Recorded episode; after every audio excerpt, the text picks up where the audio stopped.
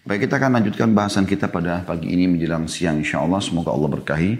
Yaitu dengan judul syaitan menganggap halal makanan yang tidak disebut atas nama Allah. Dan ini sebuah hadis juga dan akan kita cukupkan dengan satu hadis saja pada bahasan kita ini. Karena cukup panjang insya Allah penyampaian-penyampaian pesan yang perlu kita tambahkan di sini.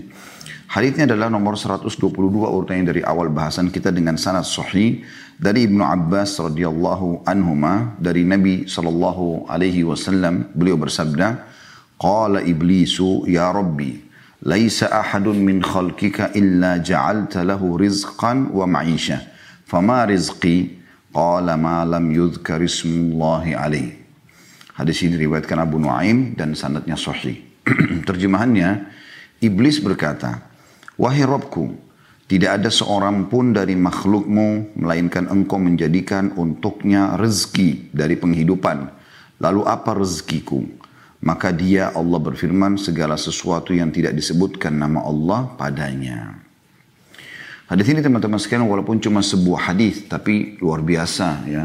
Banyak sekali yang akan dibahas atau bisa dibahas dan bisa diambil mutiara-mutiara ilmunya. Pertama adalah potongannya qala iblis. Iblis berkata, siapa iblis itu? Iblis itu adalah golongan salah dari golongan jin. Ya.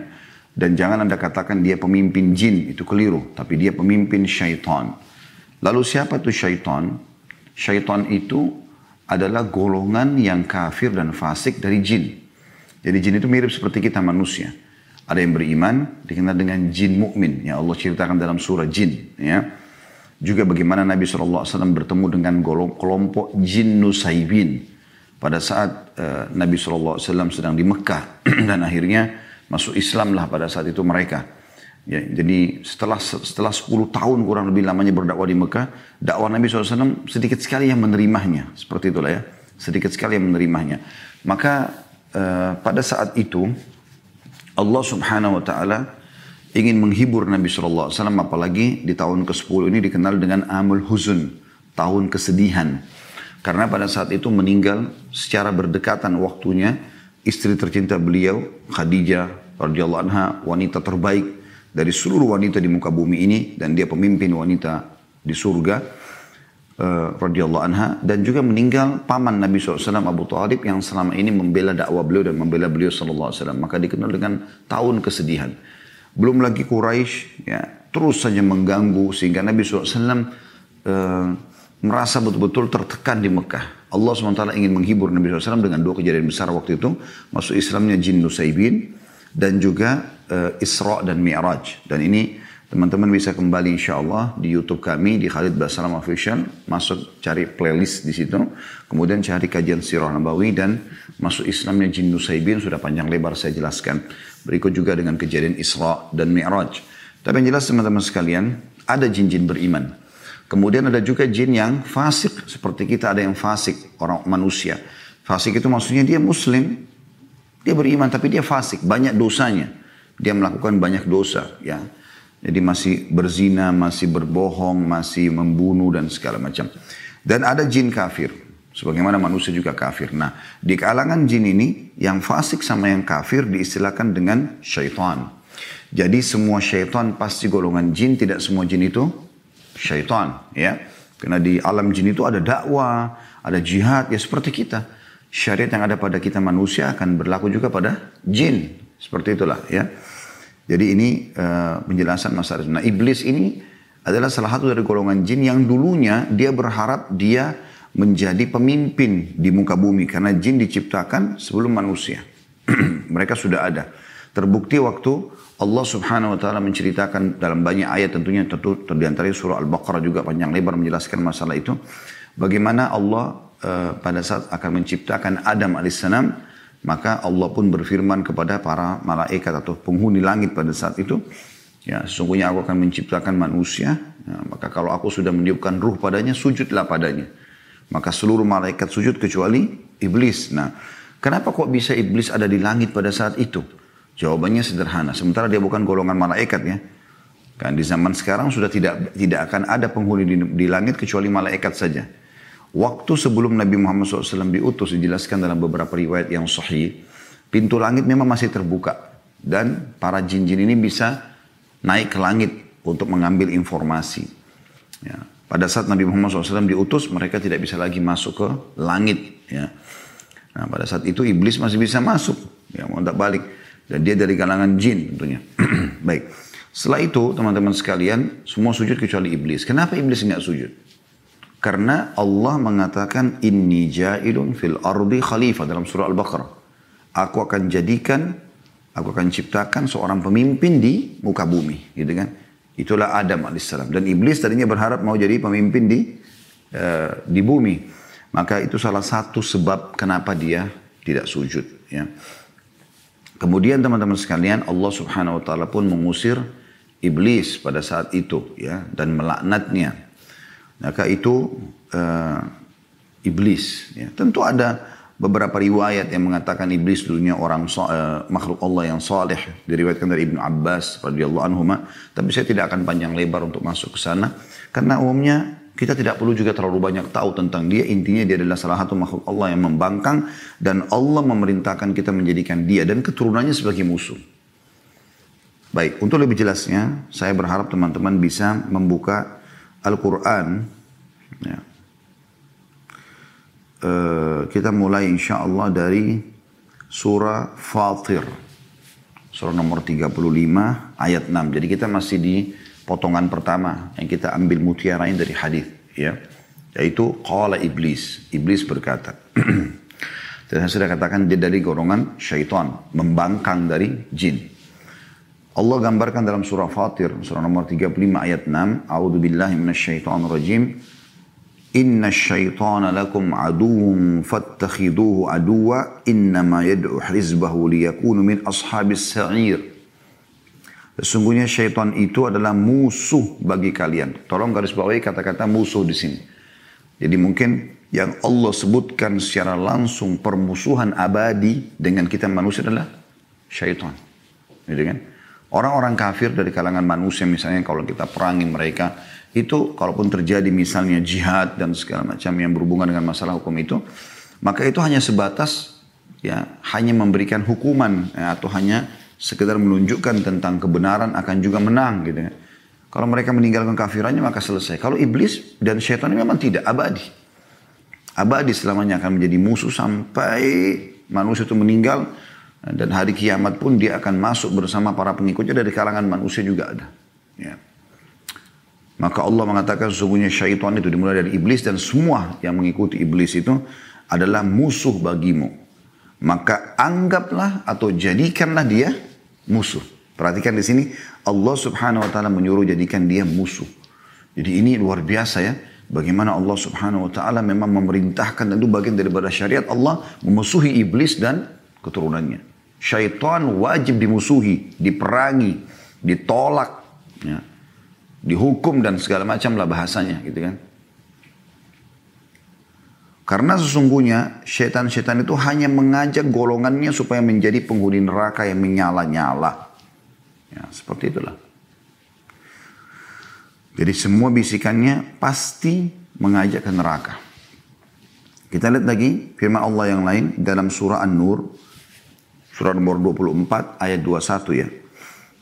Allah berfirman surah nomor 24 ayat 21. A'udzu billahi minasyaitonir rajim. يا أيها الذين آمنوا لا تتبعوا خطوات الشيطان ومن يتبع خطوات الشيطان فإنه يأمر بالفحشاء والمنكر ولولا فضل الله عليكم ولولا فضل الله عليكم ورحمته ما زكى منكم من أحد أبدا ولكن Walakin Allah yuzakki man yasha'u wallahu sami'un alim. Artinya, hai orang-orang beriman, janganlah kamu mengikuti langkah-langkah syaitan. Barang siapa yang mengikuti langkah-langkah syaitan, maka sungguhnya syaitan itu menyuruh mengerjakan perbuatan yang keji dan yang mungkar. Ya. Jadi Allah melarang mengikuti apa pun yang berhubungan dengan syaitan. Bisikannya, ajakannya, ya apa pun. Dan selalu bisikannya syaitan itu kepada pelanggaran agama. Kapan anda mendapatkan bisikan untuk melakukan apa yang Allah larang, pasti dari syaitan. Itu udah pasti. Ya. Disuruh berzina, disuruh berbohong, disuruh menipu, disuruh memukul, disuruh mencerca, disuruh memaki, disuruh memfitnah. Semuanya syaitan. Ya. Allah bilang, jangan ikuti langkah-langkahnya. Jangan ikuti bisikannya. Ya. Berarti mengikuti saya bisanya nggak boleh apalagi berteman seperti para dukun-dukun. Semoga Allah berikan hidayah dia malah sengaja panggil-panggil syaitan. Sengaja ingin minta tolong pada syaitan yang akhirnya membawa mereka sesat. Dan sudah pernah saya jelaskan saudara Kusiman di majelis kita.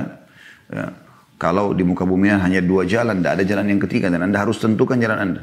Jalan pertama keselamatan, jalan kedua kesesatan dan ke eh, kematian lah, kehancuran. Tidak ada jalan yang ketiga. Keselamatan hanya satu, yaitu jalannya Allah subhanahu wa ta'ala yang selalu kita imani keberadaannya dan kita ikuti syariatnya, kita terapkan yang diperintahkan dan kita jauhi yang dilarang. Seperti itulah ya. Juru bicaranya Allah, anda kutip sini adalah para nabi-nabi dan rasul. Mereka menyampaikan risalahnya Allah. Pesannya kepada ciptaannya, termasuk kita manusia, terutama kita manusia gitu kan. Kemudian juru bicara para ulama, para para nabi adalah para ulama. Karena kata Nabi SAW, innamal ulama warasatul anbiya. Innamal ulama warasatul anbiya. Sungguhnya ulama adalah pewaris para nabi. Maksudnya mereka meneruskan penyampaian Allah subhanahu wa ta'ala. Ya, seperti anda ikuti sekarang kita menyampaikan Allah berfirman, Rasulullah bersabda sallallahu alaihi wasallam. Jadi seperti itulah. Dan juru bicara para ulama adalah para da'i-da'i.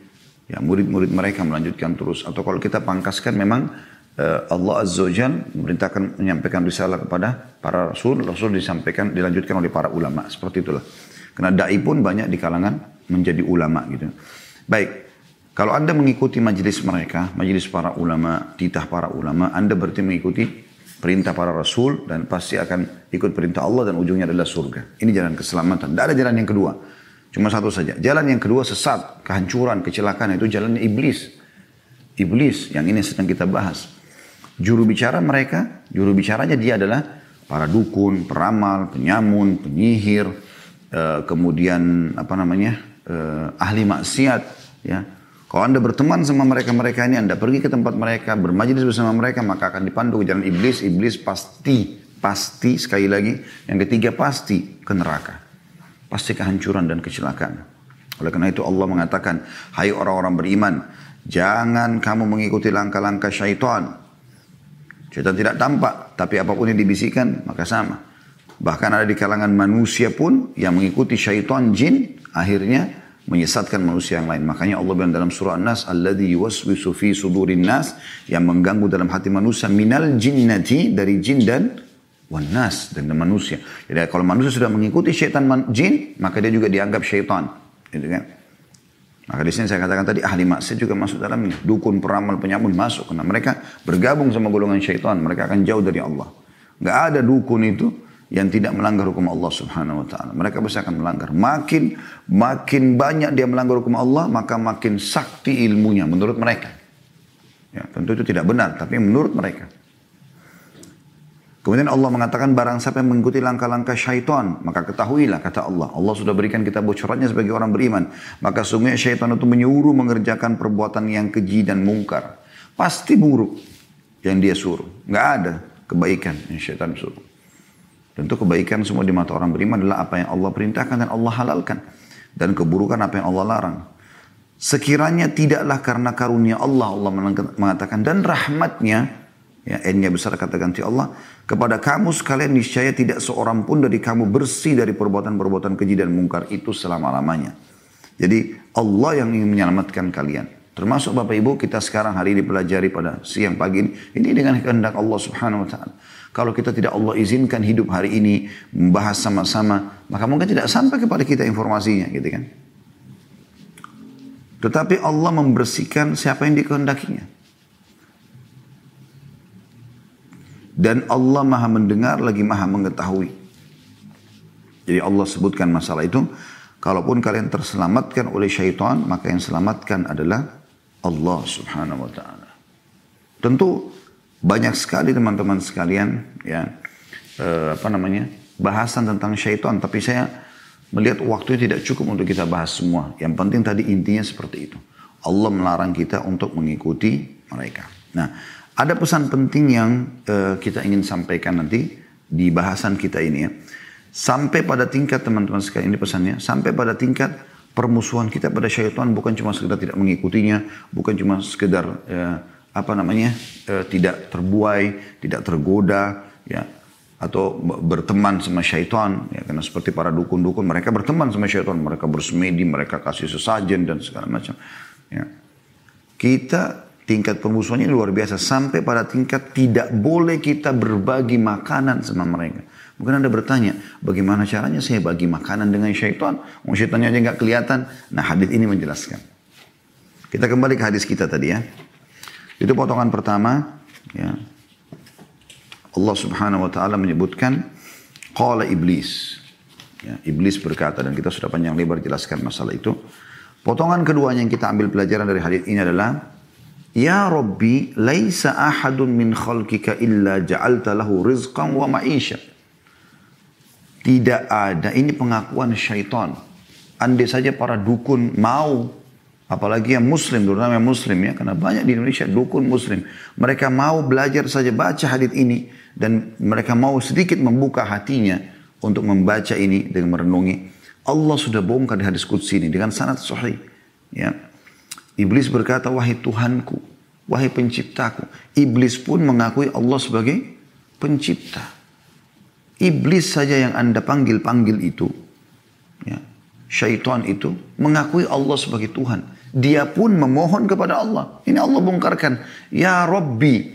Makna Rob artinya pencipta, pemilik, penguasa, pemberi rezeki yang menghidupkan, yang mematikan. Itu Rob. Seperti kita bilang, Rabbi gufirli. Wahai Tuhanku, wahai penciptaku, ampunilah aku. Wali wali daya dan kedua orang tuaku. Itu Rob. Ya. Iblis berkata, Ya Rabbi, pimpinan syaitan mengatakan kepada Allah, wahai Tuhanku, dan dia memohon kepada Allah. Apa yang dia mohon? Laisa ahadun min khalkik. Tidak ada satupun hambamu. Iblis yang mengikrarkan itu. Ya. Illa ja'alta lahu rizqan wa ma'isha. Kecuali kau sudah tentukan rezekinya dan penghidupannya. Makanannya, minumannya, segala macam. Apa kata iblis? Fama rizki. Wahai Tuhanku, lalu apa rezekiku? Dia menyadari kalau dia sudah berbuat kesalahan. Gitu kan? Dan ini teman-teman pelajaran yang luar biasa. Ini pelajaran kedua yang kita bisa ambil ya. Bagaimana iblis yang selama ini pemimpin syaitan disembah-sembah oleh para dukun-dukun, para peramal, para penyamun, para ahli maksiat mengikuti bisikannya. Itu juga hamba Allah. Dia tunduk kepada Allah dan Allah sudah berikan kepada kita gambaran dia adalah makhluk Allah yang membangkang. Dia nggak punya apa-apa, nggak punya kekuatan apa-apa. Sama sekali. Maka harus difahami masalah. Dia juga memohon kepada Allah, lalu kenapa anda mohon kepadanya?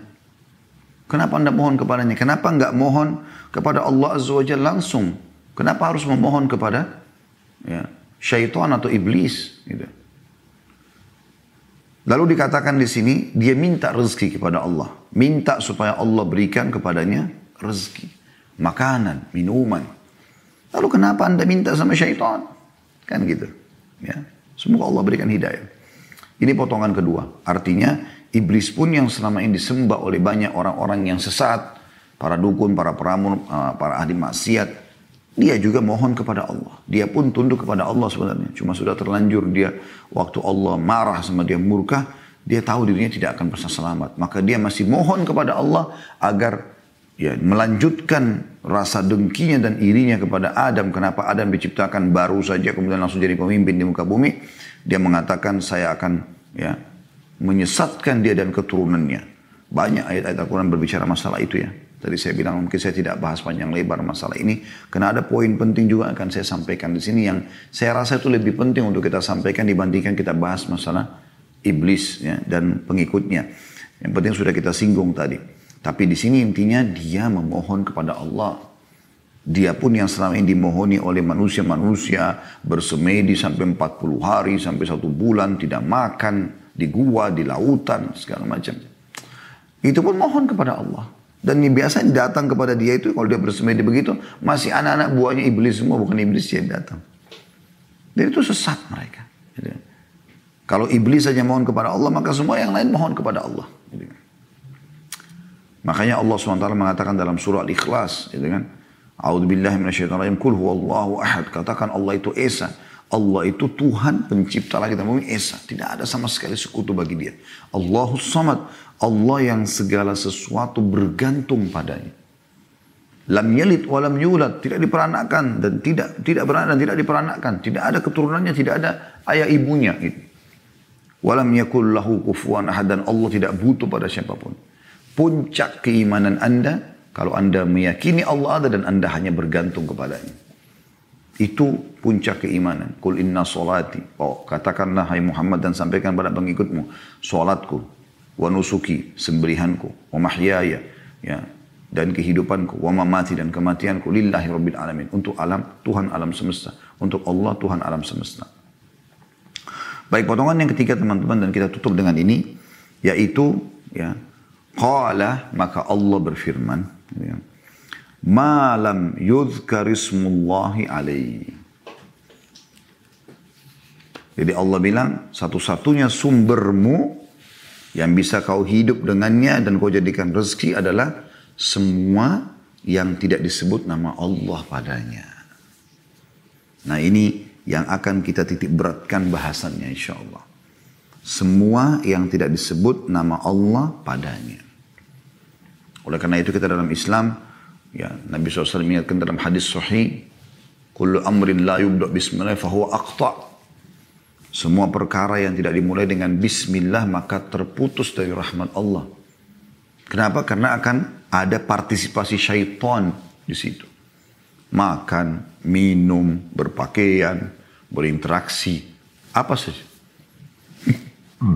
Anda kalau tidak menyebutkan nama Allah, maka secara otomatis syaitan ada ikut partisipasi. Sampai kita kalau mau masuk kamar mandi saja yang umumnya kita dilarang berzikir di dalamnya, kalau mau masuk berlindung kepada Allah dari syaitan laki-laki dan syaitan perempuan. Sebagaimana sudah kita tahu, doa masuk kamar mandi, Allah min ya'udzubika minal khubuthi wal khaba'ith. Allah lindungilah aku dari syaitan laki-laki dan syaitan perempuan. Baik teman-teman sekalian, kita akan coba bahas uh, lebih dalam lagi tentang masalah membaca basmalah ini, membaca basmalah ya. Kita akan mulai teman-teman sekalian uh, dengan perintah Nabi Shallallahu Alaihi Wasallam kepada Umar bin Abi Salamah. Siapa Umar bin Abi Salamah ini? Anaknya Abu Salamah. Abu Salamah ini salah satu sahabat Nabi yang meninggal. Dia punya anak satu namanya Salamah. Istrinya dikenal dengan Ummu Salamah. Ya, setelah meninggal, Ummu Salamah waktu itu mengingat atau mendengar hadis Nabi SAW.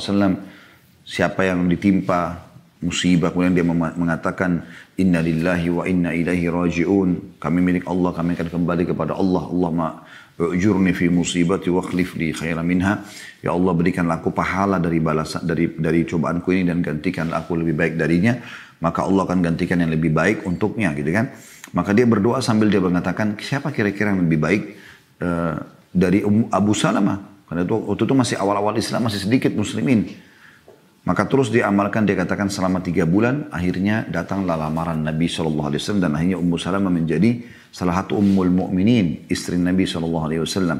Nah Umar bin Abi Salamah adalah anak bawahan dari Ummu Salamah. Berarti dia sekarang menjadi anak Nabi SAW juga gitu kan. Karena anak istri beliau. Waktu satu waktu pernah uh, Umar bin Abi Salamah radhiyallahu anhu majma'in itu duduk makan bersama Nabi SAW. Dia masih kecil.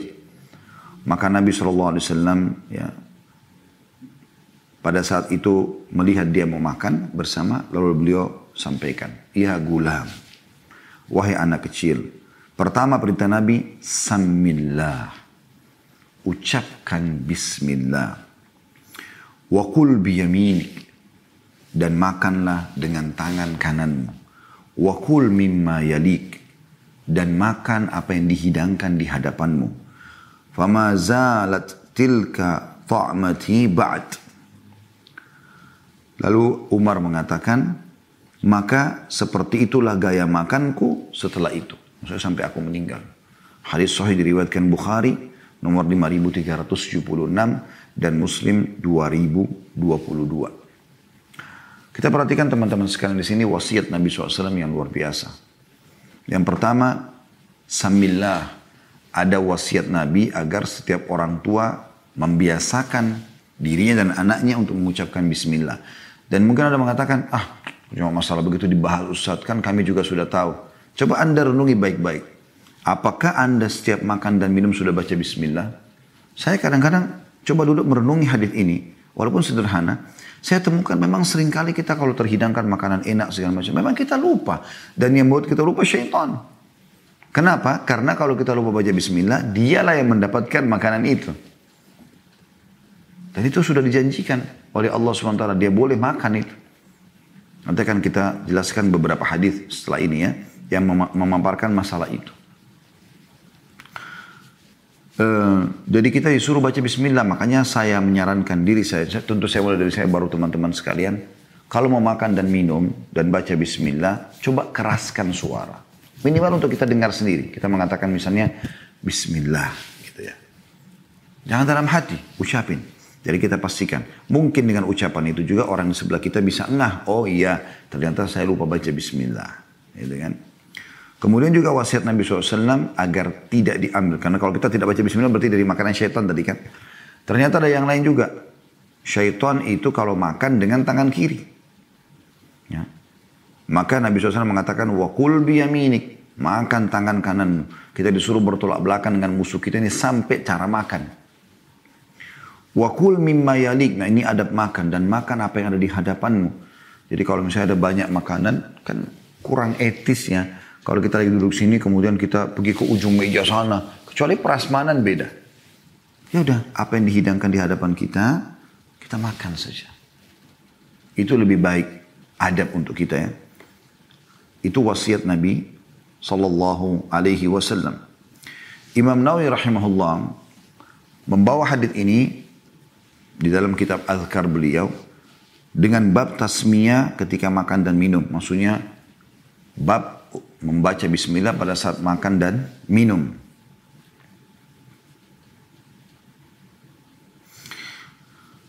Juga hadis yang lain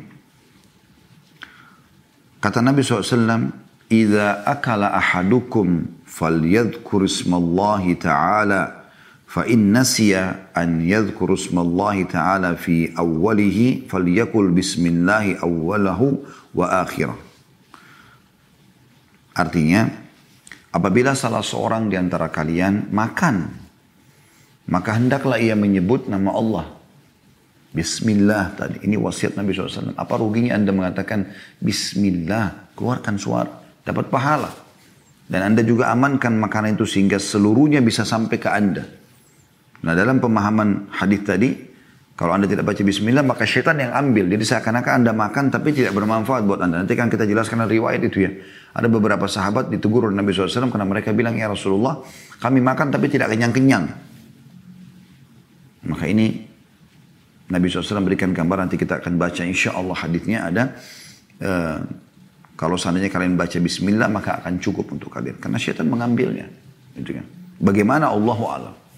Bagaimana mekanismenya kita tidak tahu soal itu, tapi kita imani keberadaannya. Kata Nabi SAW, apabila salah seorang di antara kalian makan, maka hendaklah yang menyebut nama Allah Ta'ala. Jika ia lupa menyebut nama Allah Ta'ala, di awal dia makan, syaitan buat dia lupa, maka hendaklah dia mengucapkan Bismillahi awwalahu awwalihi wa akhiri. Dengan menyebut nama Allah pada awal dan akhirnya. Ya. Ini riwayat Tirmidzi, Abu Daud. Ya dan dinyatakan hadis ini hasan dan Syekh Albani mensahihkannya. Dalam riwayat yang lain ada tambahan riwayatnya, maka syaitan akan memuntahkan makanan yang sudah dia ambil. Berarti kan menandakan memang syaitan curi makanan itu. Bagaimana Allah alam kita nggak tahu. Ya, karena secara zahir kan kita lihat masih utuh, kita makan, kita lihat masuk di mulut kita. Kemungkinan besar diambil dari dalam tubuh kita kah? Allah alam. Saya belum pernah coba mencari lebih dalam ke situ, tapi Jelas dia ambil. Karena sabda Nabi SAW dia akan memuntahkannya pada saat orang baca ini berarti memang sudah ada yang masuk ke syaitan. Ya. Dan ini dilarang oleh Nabi SAW. Juga ada hadis yang lain. Hudzaifah berkata radhiyallahu anhum, suatu waktu kami bersama Nabi SAW atau kalau kami sedang menghadiri jamuan makan bersama Nabi SAW, Tidak ada seorang pun di antara kami yang meletakkan tangannya memulai ambil makanan hingga Rasulullah SAW memulainya. Dan kami pernah bersama beliau menghadiri jamuan makan. Lalu seorang Arab Badui datang ya, yang seolah-olah ia mendorong. Maksudnya dia mau buru-buru. Dia mau duluan dapat makanan. Lalu ia meletakkan tangannya pada makanan. Namun Rasulullah SAW memegang tangannya. Pas dia mau duluan ambil, Nabi tahan. Gitu kan. Kemudian ada juga seorang budak wanita yang datang seperti seperti itu ia terdorong hendak meletakkan tangannya pada makanan, buru-buru. Namun beliau juga menahan itu. Sambil beliau bersabda, Inna syaitana la yastahillu ta'am alladhi lam yudhkar ismallahi alaih. Wa innahu ja'a bihi hadha al-a'rabi yastahillu bihi.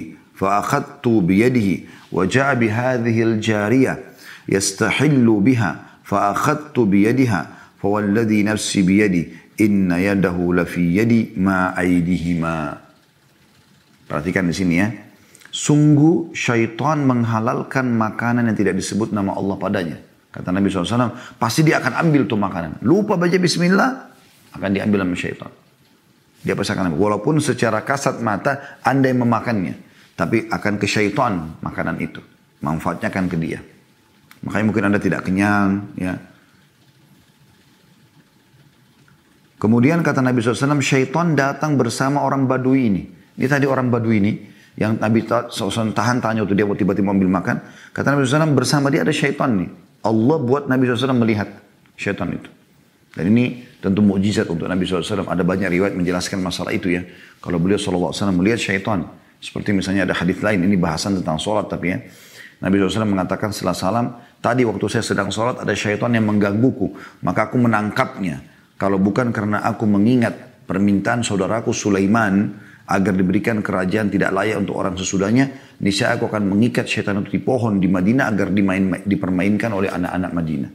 Tapi Nabi SAW tidak melakukan itu, gitu kan?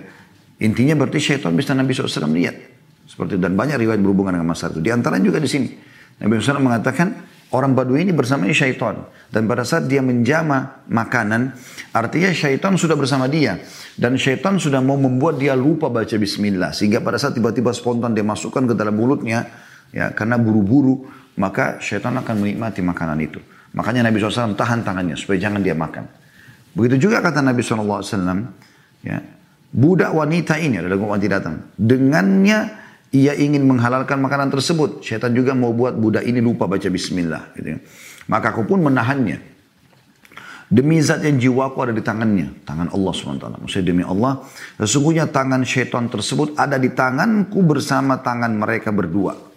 Artinya pada saat aku sudah menahan ya tangannya orang badui ini dan wanita tadi, budak wanita itu. Sesungguhnya tangan syaitan ada di situ. Memang dia yang ulurkan tangan orang ini supaya makan supaya ambil makanan. Seperti itulah. Ya. Dan hadis ini diriwayatkan oleh Abu Dawud nomor 3766 dan Syekh Albani menyatakan hadis ini hadis yang sahih. Coba renungi teman-teman sekalian. Ya.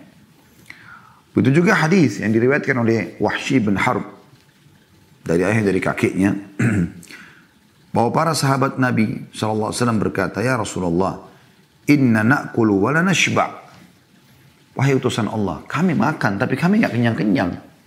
Sebagian sahabat mengatakan itu ya. Qala fala'allakum taftarikun. Qalu na'am. Qala fajtami'u ala ta'amikum wadhkuru smallahi alaih yubarakallahu lakum. Artinya, wahai Rasulullah, sesungguhnya kami makan dan tidak merasa kenyang. Maka beliau bersabda, kemungkinan kalian makan sendiri-sendiri. Ya, ini juga berarti ada ajakan untuk makan sama-sama, jangan makan sendiri. Usahakan selalu berbagi, ajak makan orang. Anda juga di rumah sebagai suami, walaupun istri sudah ya, eh, apa namanya, walaupun Anda tinggal sendirian, ajak istri duduk sama-sama. Mungkin istri sudah makan duluan, Anda telat makan atau Anda telat pulang, tetap ajak dan makan walaupun sedikit. Istri juga usahakan kalau suaminya masih di luar dan dia tahu suaminya akan pulang makan, jangan dia makan kenyang supaya dia bisa bersama suaminya makan, gitu kan. Karena makan bersama ini punya nilai. Ada nilai kebersamaan dan juga ada nilai keberkahan. Kebersamaan secara kehidupan sosial, keberkahan yang Allah akan menjadikan makanan itu cukup buat kita semua. Itu yang Nabi SAW wasiatkan. Kemungkinan kalian makan sendiri-sendiri. Mereka menjawab, iya. Beliau bersabda, hendaklah kalian makan secara bersama-sama. Dan jangan lupa, sebutkan nama Allah. Bismillah, bilang itu, ya. Maka kalian akan diberi berkah padanya. Maksudnya akan diberikan kecukupan, ya. Hadis riwayat Abu Daud nomor 3764 dan dinyatakan hasan oleh Syekh Albani. Juga hadis yang lain, wa rajulin Nabi sallallahu alaihi wasallam annahu kana khadim uh, annahu kana yasma'u Nabi SAW idza qarraba ilaihi ta'aman yaqul bismillah. Dari seorang yang mengabdi kepada Nabi SAW. Tentu banyak yang mengabdi kepada Nabi SAW. Di antaranya Anas bin Malik gitu kan.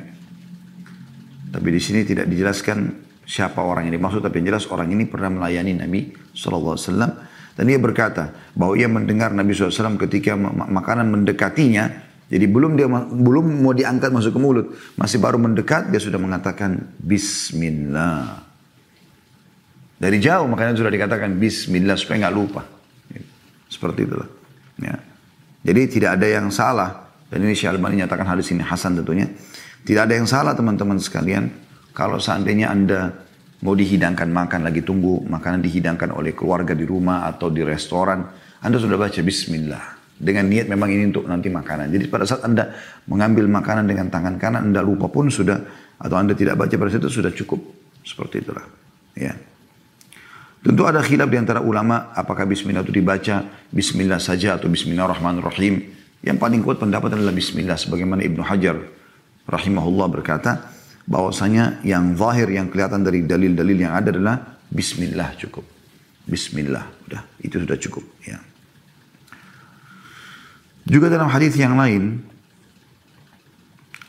dari jalan Ummu Kalthum dari Aisyah radhiyallahu anhunna bahwasanya Nabi SAW bersabda idza akala ahadukum ta'aman falyakul bismillah fa in nasiya fi awwalihi falyakul bismillah awwalihi wa akhirih. Tapi kita ambil bahasan potongan pertama hadis ini ya. Kalau seseorang di antara kalian sedang makan makanan maka jangan lupa selalu bismillah.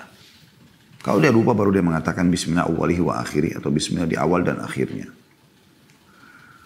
Kemudian teman-teman sekalian, ada juga hal yang lain yang perlu kita tambahkan.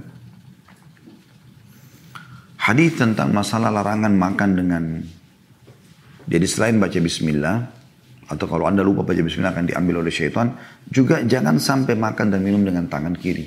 Karena ini juga bisa menjadi salah satu sebab mencontohi syaitan. Ya. Bisa juga bermakna mungkin dia mengambil makanan itu Allahu alam. Dia tidak tahu. Tapi Nabi SAW melarang itu. Makanya beliau mengatakan selain dari hadis Umar bin Abi Salam radhiyallahu anhuma juga ada sabda Nabi SAW Ida akal ahadukum falyak falyakul biyaminihi wa ida syariba falyashrab biyamini fa inna syaitana yakul bishimali wa yashrab bishimali kalau salah seorang dari kalian mau makan, makanlah dengan tangan kanannya. Kalau dia mau minum, minumlah dengan tangan kanannya. Karena sungguhnya syaitan makan dengan tangan kiri dan minum dengan tangan kiri. Hadis riwayat Muslim nomor 2020. Ya. Jadi ini juga termasuk hal yang perlu uh, dijelaskan ya supaya tidak ada pintu terbuka untuk syaitan. Begitu juga dengan hadis Nabi SAW yang mulia ya, yang disahihkan oleh para ulama kata Nabi SAW kalau seandainya potongan makanan jatuh dari seseorang di antara kalian dan potongan makanan ini maksudnya bukan cairan ya. Kok makanan kering, ya, kue, kue kering, ya, masih bersih jatuh di lantai. Maka pu, bersihkan dan makanlah. Dan jangan dia biarkan sepotong pun, secuil pun untuk syaitan. Jadi ternyata kalau kita pahami hadis apa yang saya mau sampaikan terakhir teman-teman sekalian, itu seakan-akan memang syaitan yang selalu membuat. Tadi kan hadis tentang badui itu, sama budak wanita yang mau mengambil, itu memang syaitan mendorong orang untuk selalu mau makan, selalu mau makan. Dan pada saat mau makan itu dibuatlah lupa baca basmalah. Seperti itu ya. Agar bisa jadi makanannya. Oleh karena itu juga kita harus bisa mengontrol makanan. Kita makan kapan kita butuh. Mirip dengan uh, tangki bensinnya mobil atau motor. Kalau masih penuh ya sudah. Kalau anda isi lagi meluap gitu kan. Maka jangan dipaksakan. Makan sesuai dengan kebutuhan. Makanya dalam hadis yang lain kata Nabi SAW, wahai anak Adam cukuplah engkau makan makanan, ya, sekelumit makanan secukupnya, ya, yang bisa membuat tulang belakangmu berdiri tegak. Seperti itu. Karena kalau syaitan tidak berhasil membuat mencuri makanan dari kita di awal kita makan, mungkin dia akan ambil nanti di cemilan kita. Di dessertnya misalnya. Mungkin ada es krimnya, mungkin ada buah-buahannya, mungkin segala macam. Jadi usahakan baca bismillah. Ya, anjuran para ulama memakan bismillah di setiap jenis makanan ya. Misalnya Anda mau makan sekarang nasi sama lauk, misalnya baca bismillah. Nanti kalau Anda mau pindah lagi ke makanan yang lain, Anda usahakan baca bismillah. Ya, karena sudah pindah ke makanan yang lain kan gitu. Begitu juga pada saat Anda mau minum, bismillah untuk makan beda, bismillah untuk minum berbeda. Makanya Nabi SAW tadi suruh juga menggunakan tangan kanan pada saat makan, tangan kanan juga pada saat minum. Jadi dirincikan masalah itu. Nah, ini semua teman-teman sekalian termasuk hal mendasar yang perlu kita ya uh, perhatikan ya. Juga teman-teman sekalian yang perlu diperhatikan adalah bagaimana seseorang meniatkan di sini pada saat membaca bismillah ya. Begitu juga dengan selesai makan mengucapkan alhamdulillah Tujuannya, tujuan utamanya adalah menjalankan perintah Allah Subhanahu wa taala. Supaya berpahala di sini ya. ya. Dengan baca bismillah jadi bukan hanya sekitar supaya syaitan tidak dikasih makanan. Itu nomor dua, nomor tiga dari poin-poin yang penting.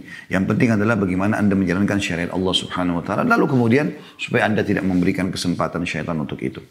Dan juga kita lengkapkan jangan lupa setelah makan, ini kan tadi baca bismillah ya. Juga mengucapkan alhamdulillah, bersyukur kepada Allah Subhanahu wa taala.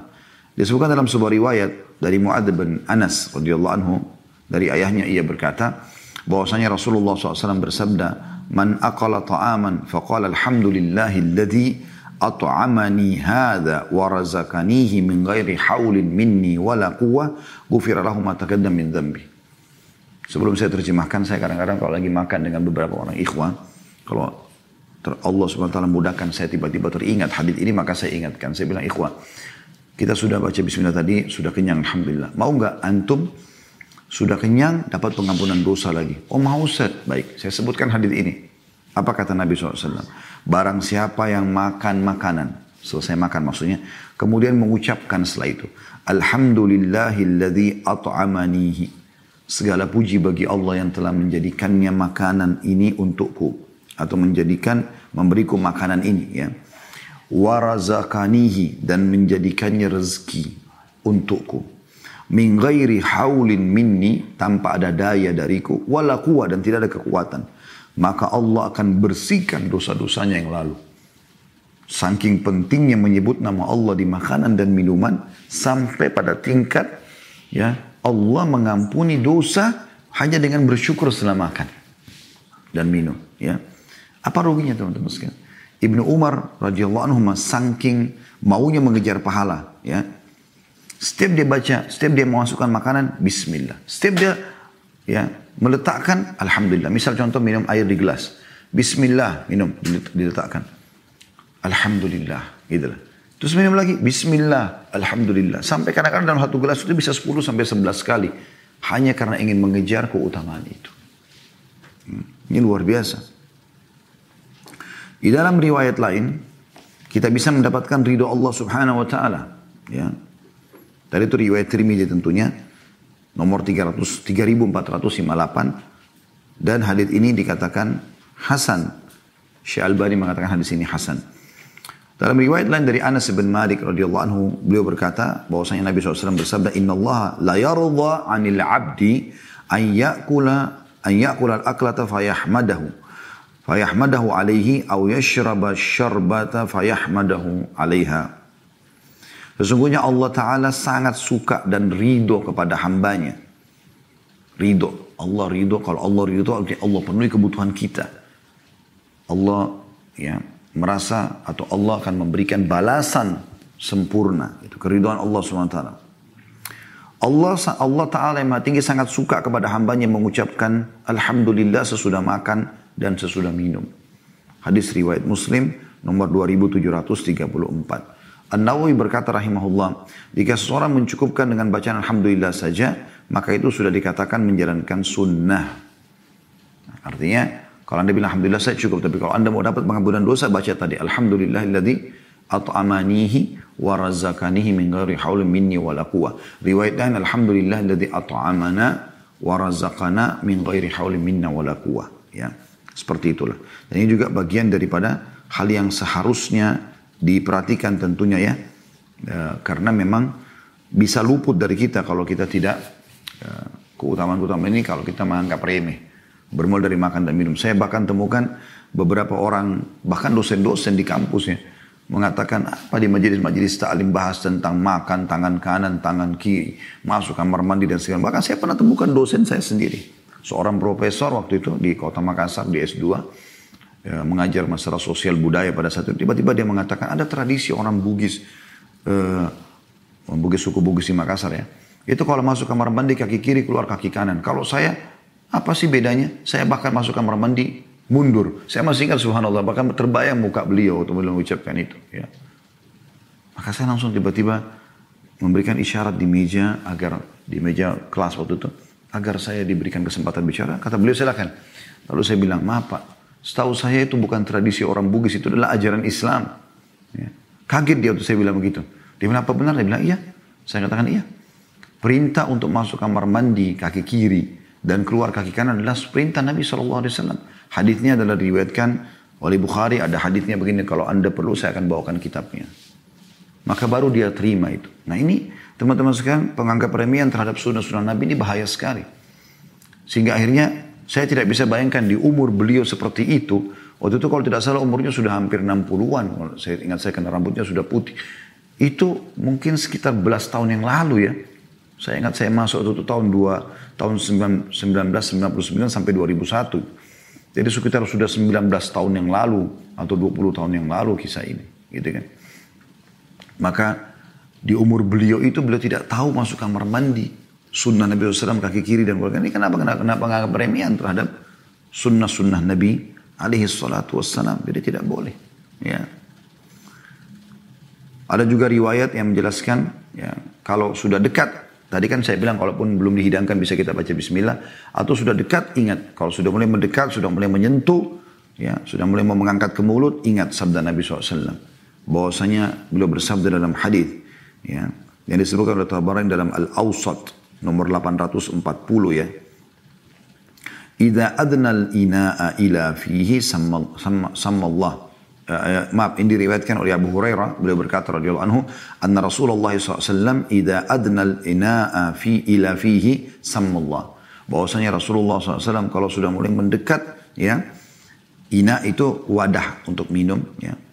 Maka beliau langsung menyebutkan nama Allah ya. Jadi ini memang jelas sekali bagaimana penyampaian-penyampaian para uh, ulama juga berhubungan dengan masalah tanggapan hadis ini ya dan mereka umumnya sepakat mengatakan ini adalah mustahab atau bagian daripada yang disunnahkan. Tentu kalau kita mau bahas panjang lebar adab makan dan minum contoh panjang lebar teman-teman sekalian ya. Tapi insya Allah kita cukupkan dengan pesan apa yang kita sampaikan tadi ini. Dan selebihnya saya akan coba buka pertanyaan berhubungan dengan tema. Dan saya berharap teman-teman tentu bertanya sekitar tema. Kalau memang Anda uh, tidak punya pertanyaan tentu tidak harus dipaksakan gitu ya. Supaya kita lebih fokus Mungkin apa yang berhubungan dengan apa yang kita bahas tadi ya. Masalah iblis, syaitan, masalah bagaimana ruasnya rahmat Allah subhanahu wa ta'ala. Sampai iblis pun yang sudah mungkar, yang sudah yang sudah kufur kepada Allah masih minta rezeki Allah masih kasih dia gitu kan apalagi anda kalau beriman dan yang ketiga adalah bagaimana harus selalu membaca basmalah. Dan ini yang panjang lebar kita jelaskan tadi. Dan apa yang tidak anda baca basmalah padanya makanan dan minuman secara khusus ya. Dan secara umum kegiatan-kegiatan maka syaitan akan ikut serta dalam masalah itu.